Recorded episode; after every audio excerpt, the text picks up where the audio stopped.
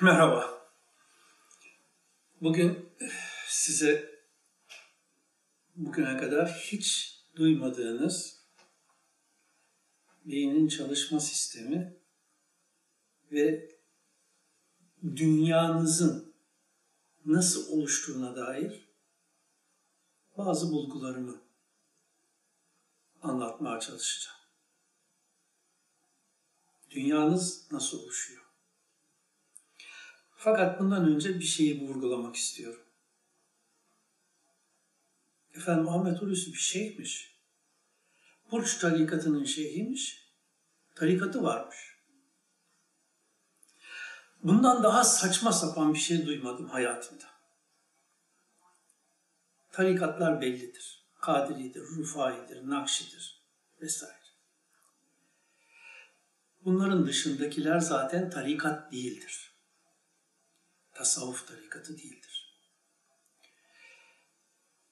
Öbür taraftan benim ne tarikatım var ne de şeyhim. Bunu defalarca kitaplarımda yazdım. Zamanında 40 sene evvel Tempo dergisinde bir muhabir efendim Burç tarikatı diye bir başlık atmış. Herkes bu saçmalığı devam ettiriyor. Aslı astarı yok. Benim tarikatım olduğunu kimse ispat edemez. Böyle bir şey yok çünkü. Üstelik ben şunu diyorum. Ben Muhammediyim. Hz. Muhammed'in dini neyse benim dinim o. Hz. Muhammed'in kitabı neyse benim kitabım o. Hz. Muhammed'in mezhebi varsa eğer benim de var. Hz. Muhammed'in tarikatı varsa benim de var. Kısacası ben Muhammediyim. Dinim İslam, kitabım Kur'an, tabi olduğum, inandığım Resul Hz. Muhammed Mustafa Aleyhisselatü Vesselam.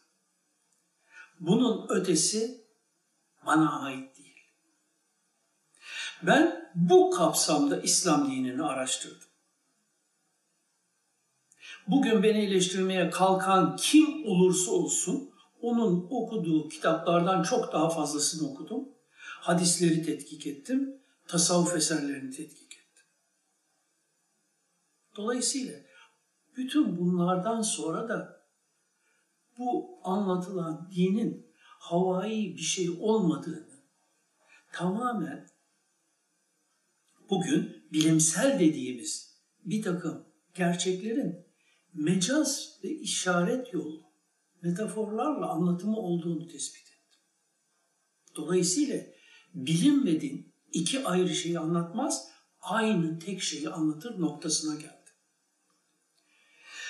Bunu böylece vurguladıktan sonra şimdi gelelim beynin yapısına. Beyin dediğimiz şey herkesin bildiği bir biçimde şu kafatasının içindeki et beyin diye anlıyoruz. Halbuki bu eski maddeci felsefeye göre gözün gördüğünü esas alan anlayışa göre böyle. Bugün bilim dünyası şu noktaya geldi. Madde dediğimiz şey esasında gözün verdiği, dokunma duygusunun verdiği verilere göre ve beynin verdiği bir hükümdür. Esasında her şey atomlardan meydana gelmiştir. Atomların altında dalga boylarından, frekanslardan oluşmuş bir evrende yaşıyoruz. Kısacası dalga evreninde yaşıyoruz. Dolayısıyla bu varlıktaki ne varsa hepsinin orijini dalga yapıdır. Madde gerçek değildir. Madde sadece bir algıdır. Şimdi bunu böylece vurgularsak, beyin dediğimiz yapı da her ne kadar bizim madde gibi algılamamıza göre ise de esasında beyin bir alt boyutu itibariyle dalga kütlesidir sayısız frekanslardan oluşan dalga kütlesidir. Beyniniz nasıl çalışıyor? Basit. Bütün algıladığınız şeylerin hepsi beyne elektrik sinyali olarak, dalga olarak geliyor.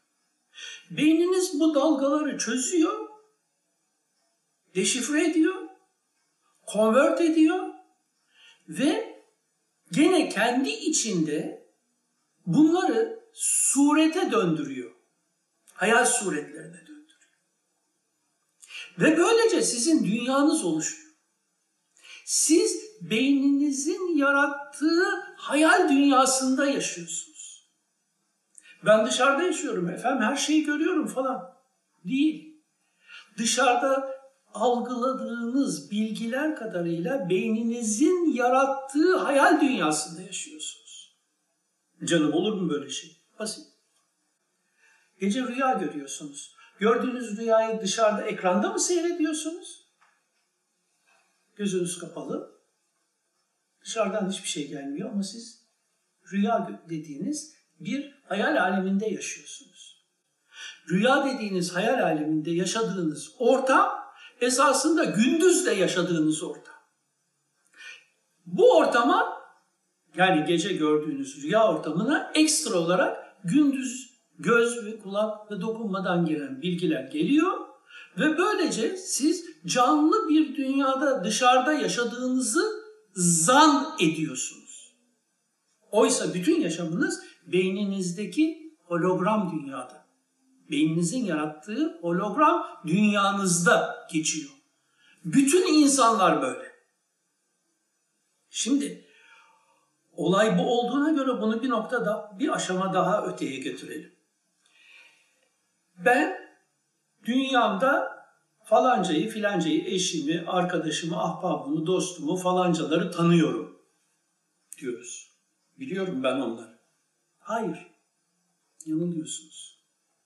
Siz o isimlendirdiğiniz kişilerden beyninize ulaşan ses ve görüntü dalgaları kadarıyla beyniniz onların suretini yaratıyor sizin hologram dünyanızda, hayal dünyanızda.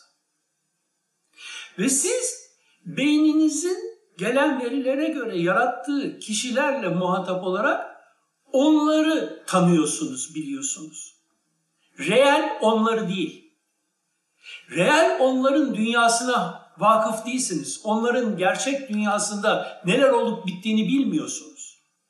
Onların size o davranışı ortaya koyarken kafasından geçirdiğini, içinde yaşadığını, hangi duygularla var olduğunu bilmiyorsunuz. Sadece oradan size akseden kadarıyla onlar sizin beyninizde oluşuyor ve siz o beyninizde oluşan kişilerle muhatapsınız. Ali, Veli falanca filanca kim? Sizin beyninizde yarattığınız. Onu o gerçek Ali Veli ile hiçbir zaman muhatap olmadınız ve olamazsınız. Şimdi olay böyleyse buradan ne çıkıyor? Sizin kavganızda, sevginizde, yaşamınızda duyduğunuz her duyguda size ulaşan bilgiler kadarıyla oluşan kafanızda yarattığınız kişiyle gerçek reel kişiyle muhatap değilsiniz. Siz icabında o kişiyle kavga ediyorsunuz, bir şey oluyor, gidiyor, o kendi havasını, kendi dünyasını yaşıyor bambaşka bir şekilde. Ama siz kafanızda yarattığınız o bilgiye dayalı o kişiyle didişip duruyorsunuz, hayatınızı zindan ediyorsunuz. Şimdi bütün yaşamınız hep bu kafanızda yarattığınız kişiliklerle sürerken, gerçek kişilerle hiçbir zaman muhatap olamazken, bu kafanızda yarattığınız kişilere dayalı etiketlemelerle içine girdiğiniz sizi sıkan, üzen duygularla yaşamanıza ne gerek var? Niye kendinizi üzüyorsunuz? Beyin bu şekilde çalışıyor. Şimdi beyin bu şekilde niye çalışıyor? Başka bir alana geçiyor. Beyin yaratır. Yaratan beyindir. Ha, pardon. Yaratan beyin olmaz. Yaratan Allah'tır. Nereden çıkartıyor? Ahmet Hulusi Sapık beyin yaratıyor diyor. Halbuki Allah yaratıyor. Allah'ın ne olduğundan haberi olmayanların lafları bunlar, lakırtıları. İsmi Allah olan, sonsuz, sınırsız, kendisinden gayrı olmayan tektir. Dolayısıyla var olan her şey onun Esma-ül Hüsna diye anlatılan isimlerinin özelliklerinin varlığıyla var olan şeylerdir. Beyin de buna dahil. Beyin ismiyle işaret ettiğimiz şey dinin Allah'ın isimleriyle var olan varlıktır. Biz onu meydana getirdik ve ona bütün isimleri talim ettik. Ayeti beyindeki bütün özelliklerin gerçekte Allah isimlerinin işaret ettiği özelliklerin açığa çıkış noktalarıdır. Dolayısıyla Allah'ın yaratıcılığı da, Halik ismi de, Bedi ismi de, Musavir ismi de, bunun gibi bütün isimleri de beyinde açığa çıkan özellikleri anlatır ve tanımlar. Sizin Allah'la muhatap olmanız beyninizdeki bu özelliklerle beyninizdedir. Allah dışarıda, yukarıda, ötenizde bir tanrı değildir. Kur'an'dan haberi olmayanlar, Kur'an'ın anlattığı Allah adıyla anılanın ne olduğunu bilmeyenler onu dışarıda kendilerinin ötesinde bir işler yapan bir tanrı gibi düşünür. Kur'an bunu söylemiyor.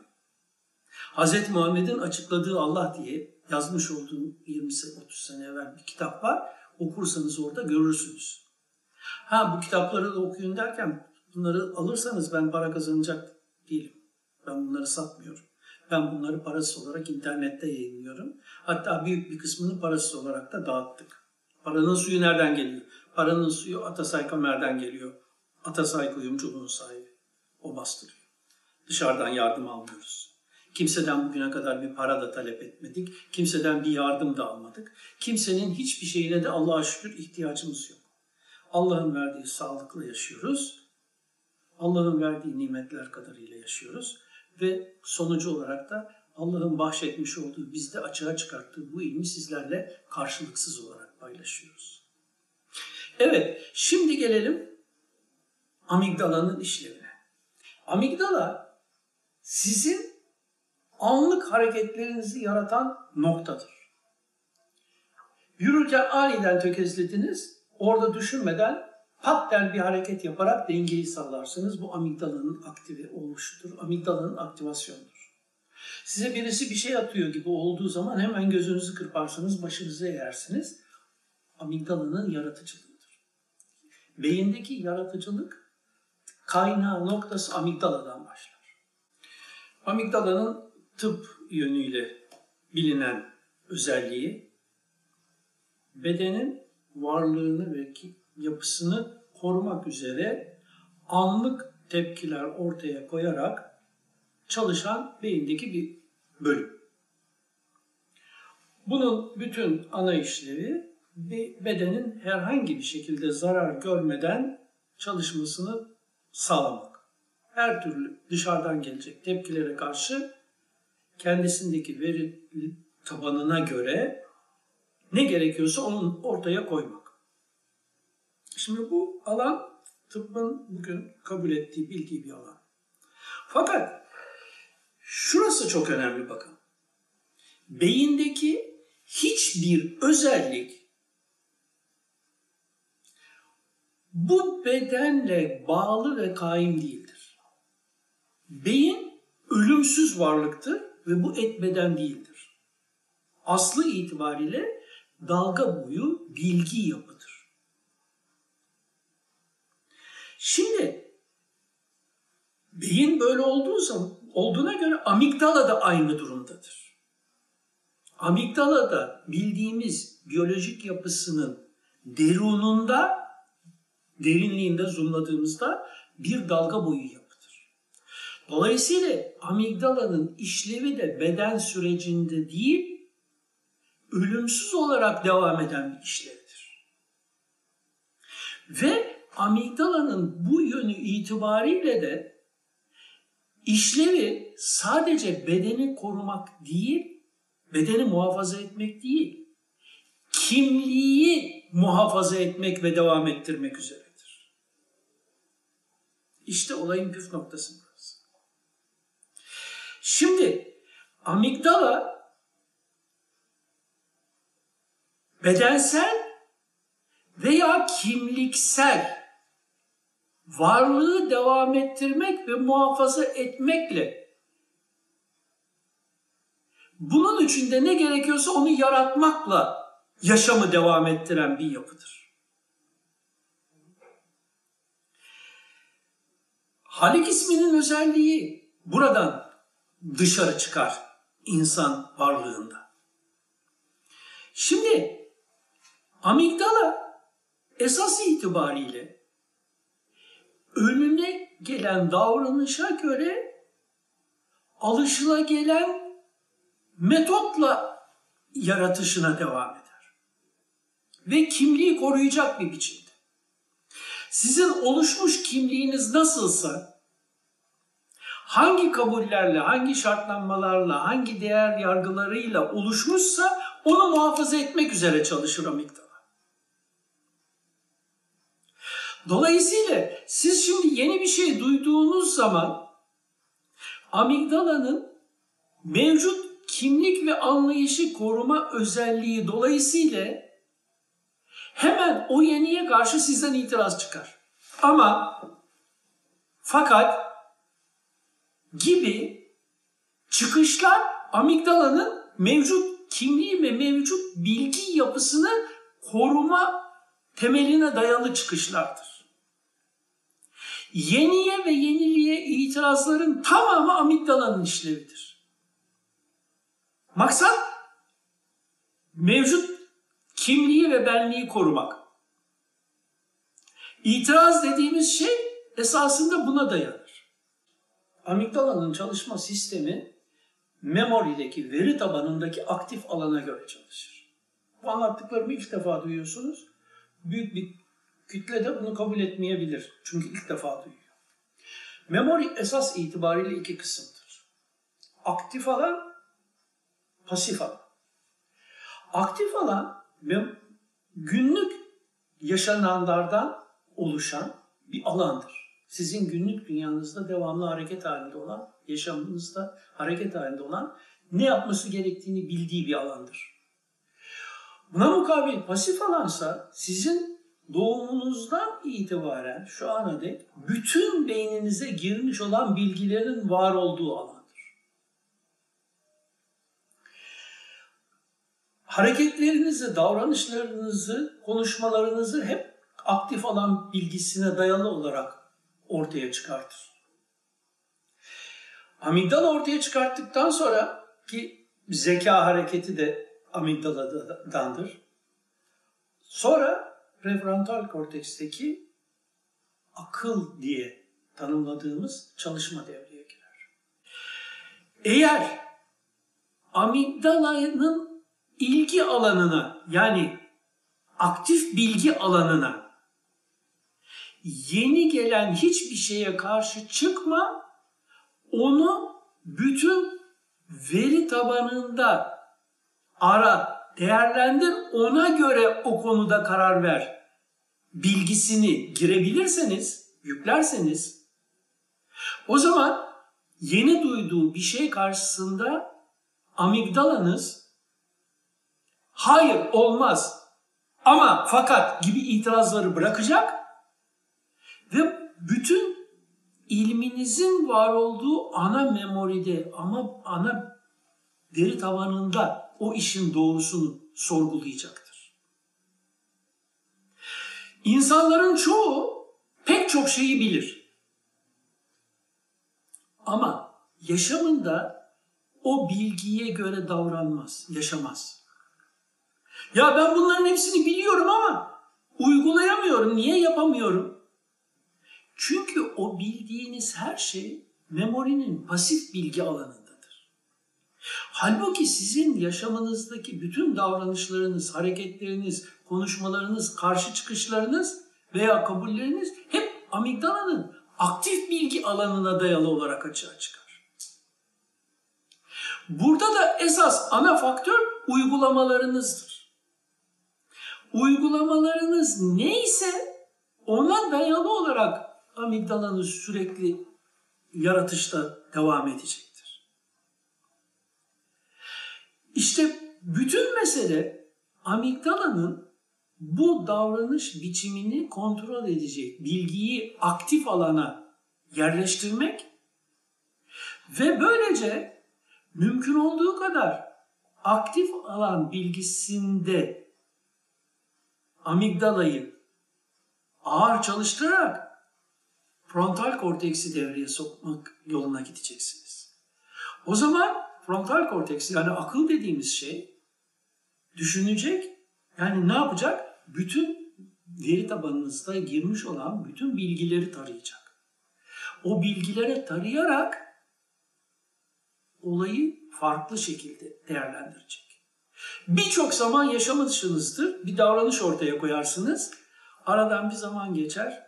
Kendi kendinize düşünmeye başlarsınız. Düşünüyorum dersiniz. İşte o alanda el hasib isminin manası olan prefrontal korteks devreye girer. Ve sizin yaptığınız o davranışı ilminize göre yeni baştan değerlendirmeye alır. Ve o zaman ya dersiniz ya ben bunu niye yaptım? Yapmasaydım. Bak bu ilmime göre bu olmaması gereken bir şeydi. Pişmanlık yaşarsınız. İşte bu aktif alan uygulamanızdaki yanlış davranış biçiminin daha sonra akıl diye dediğimiz prefrontal korteksin ve pasif alan bilgilerini tarayarak yani düşünerek gerçeği size fark ettirmesidir. Dolayısıyladır ki bizim uygulamalarımız bizim gerçek geleceğimizi inşa eder. Bildiklerimiz değil. Öldükten sonra da yani ölümü tattıktan sonra da bildikleriniz size fayda sağlamayacak.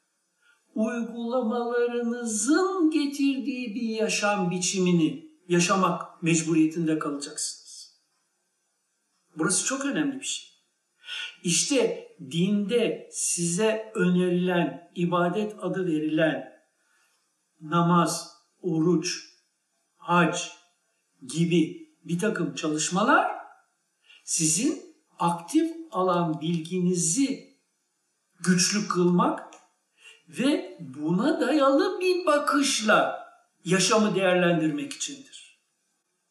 Şimdi gelen bu bütün bilgiler aynı anda beyinde El Musavvir isminin işaret ettiği özellik olarak senin hologram dünyandaki hayal suretlerini meydana getirir. Aynı şekilde zaten dışarıdan gelen bütün bilgiler beyinde hayal dediğimiz hologram dünya olarak açığa çıkar, şekillenir. Nasıl televizyona gelen dalgalar dalga olarak gelir, o televizyon ekranında gözümüze hitap eden görüntüler şeklinde şekillenirse işte beynimize gelen dalgalar da aynı şekilde beynimizin hologram dünyasında oluşur. Ve bu hologram dünyanın içindedir bizim bütün yaşamımız.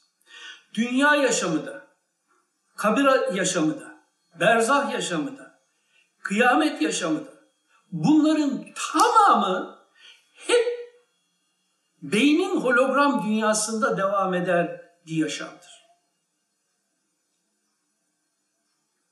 Yani bu beyin dediğim bu nokta gördüğümüz, anladığımız et beyin değil, onun bir alt boyutudur. Bu alt boyuta eskiler ruh adını da vermişler. Dolayısıyla buna ruh gözü demişler, kalp gözü demişler, değişik anlatımlar vermişler. Çünkü bugün bu konuştuğumuz bulgular ve tabirler o zaman yoktu. Dolayısıyla siz kendi orijin ve hakikatinizi tanımak durumundaysanız, böyle bir istek ve arzunuz varsa hem beyni bilmek zorundasınız, hem bunun ötesinde dinin size ne vermek istediğini anlamak zorundasınız. La ilahe illallah demekle la ilahe illallah demiş olmazsınız. Bu kelimeleri ezbere anlamını bilmeden tekrar etmek bir şey getirmez. O zaman papağanlar da girerdi cennete. La ilahe illallah diyen cehennemden azad olur diyor. Cennete girer diyor. Cennete girmek için cehennemden azad olmak lazım. La ilahe illallah'ın manası nedir? Allah'ın dışında bir varlık yoktur. Varlık sadece Allah'ın varlığıdır ve o dilediğini yapar. Her baktığın yerde gördüğün, muhatap olduğun Allah'tır. Ayetleri varken sen tutup da bunu düşünüp anlayıp kavrayamazsan, yukarıda bir tanrı hayaliyle yaşarsan ve hatta da olup biten birçok şeyi onun yaptığını düşünerek yanlış işler yaptığını kafanda sorgularsan senin hayatın cehennem olur. Bu da senin dinin ne getirmek istediğini, ne vermek istediğini anlamamandan kaynaklanır. Subhanallah demekle Subhanallah demiş olmazsınız. Subhanallah'ın manasını yaşamak gerekir. Elhamdülillah'ın manasını yaşamak gerekir. Allahu Ekber'in manasını yaşamak gerekir. Bunları yaşarsanız bu sözleri söylemiş olursunuz. Sözleri söylemekle bunlar yaşanmaz. Bunları yaşayarak ancak bu sözleri söylemiş olursunuz. Allah'ın varlığı dışında bir varlık olmadığını kavrayıp anlayıp o şekilde varlığa baktığınız zaman La ilahe illallah demiş olursunuz. Yani bütün bunlar beyinde yaşanan bir takım şeylerdir. Kuru kelimeler değil. İşte amigdalanın aktif alanındaki bilgileri canlı tutmak ve doğru yönde hedefe doğru isabetli olarak kullanmak ancak size huzuru, saadeti, yanmaktan azat olmayı ve cennet diye tanımlanan ilahi isimlerin özelliklerini yaşama güzelliğini getirir. Dolayısıyla amigdalanızın yani varlığınızı yaratan Allah'ın size olan icabeti uygulama alanınızdaki davranışlarınızın dua olarak ulaşmasıyla mümkündür. Uygulama alanınızdaki davranışlar sizin duanızdır. Hal ile duadır. Bu duanıza da ismi amigdala koyduğumuz Allah'ın halkiyet sıfatının açığa çıktığı, yaratma özelliğinin açığa çıktığı merkez size icabet eder ve dünyanızı bu şekilde yaratır. İnsan nedir? Şimdi yeryüzünde ilkel insanlar, ilk homo sapiensler varken bu noktada insan diye bir varlığın var olması dilendi. Bu insan diye bahsedilen hakiki insan var denen varlık insanı kamil de derler tasavvufta. Halife olan varlık. Kur'an halifenin meydana getirildiğini bahseder ceale kelimesiyle. Halife halk edilmemiştir. Beden itibariyle insan halk edilmiştir. Yani insan diye bir bedeni kastedersek bu halk edilmiştir. Fakat hakiki manada insan, ölümsüz olan insan, halife diye Kur'an'da anlatılan, bütün Esma-i Hüsna özelliklerini kendinde taşıyan yapı, ceale kelimesiyle anlatılır, meydana getirilmiştir. Bu meydana getirilmiş olan insan bütün Esma-i Hüsna özelliklerini kendinde bulur. Onunla var olmuştur çünkü ki bu yüzden de Hay ve Kayyum isimlerinin özelliği olarak insan ölümsüzdür.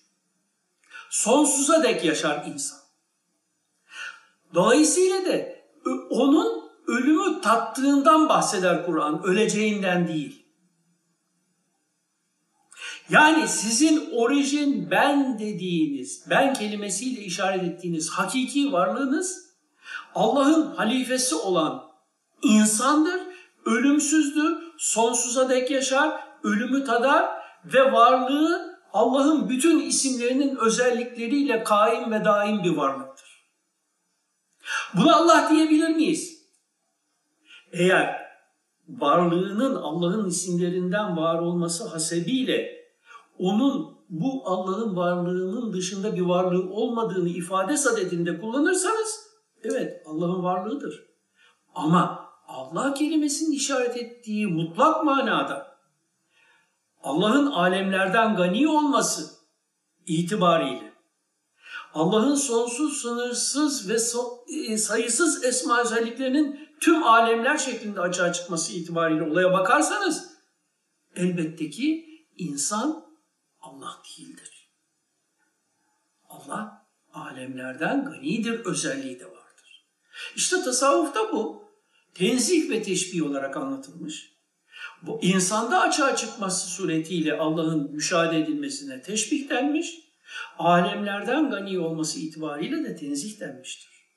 Bu ikisini bir arada anlayıp değerlendirebilirseniz o zaman bu tevhid olur. Şimdi burada özetle geldiğimiz nokta şu. Sizin varlığınız beyninizin yarattığı, beyninizdeki esma özelliklerini yarattığı bir dünyada sürüyor ve sonsuza dek sürecek. Kendi hakikatinizi bilirseniz sizi yakan hiçbir şey olmaz. Çünkü Allah'ı bilen Allah'la kavgayı bırakır, varlıkta Allah'ı seyreder. Eğer bunu yapmazsanız kendi hayal dünyanızda yarattıklarınızla kavganız hiç bitmez, yanmanız hiç bitmez ve Allah size zulmetmez ayeti gereği siz yarattıklarınızın sonucu olarak sizin zebanileriniz olarak o yarattıklarınızın cehenneminde yaşarsınız. Bütün bunları Ahmet Hulusi.org web sayfamızdaki kitaplarımızda, YouTube'da Ahmet Hulusi kanaldaki sohbetlerimizde izleyip dinleyebilirsiniz. Biz bu anlayışı ya da dayalı olarak bu anlayışı anlatan bir biçimde Kur'an ayetlerini açıklayarak, yorumlayarak Kur'an Çözümü isimli kitabımızı yayınladık ve 2 milyona yakın bunu parasız olarak dağıttık. Aynı şekilde İngilizcesi de mevcut. Bunun isteyenler Amazon'dan alabilir. Bütün çalışmalarımız dediğimiz gibi karşılıksızdır. Kimseden hiçbir beklentimiz yok. Bu dediklerimizin ötesinde aklınıza gelecek sizin bütün sorularınızın cevapları da var. Bunu bilin. Öyleyse ilim sahibi olmaktan, bilgi sahibi olmaktan korkmayın. Yeniden korkmayın. Yeniye açık olun. Ve dinin ne getirdiğini sorgulayın ki Allah size hakikati kavrama, hissetme, yaşama yolunu açsın. Allah azmımızı arttırsın. Hoşçakalın.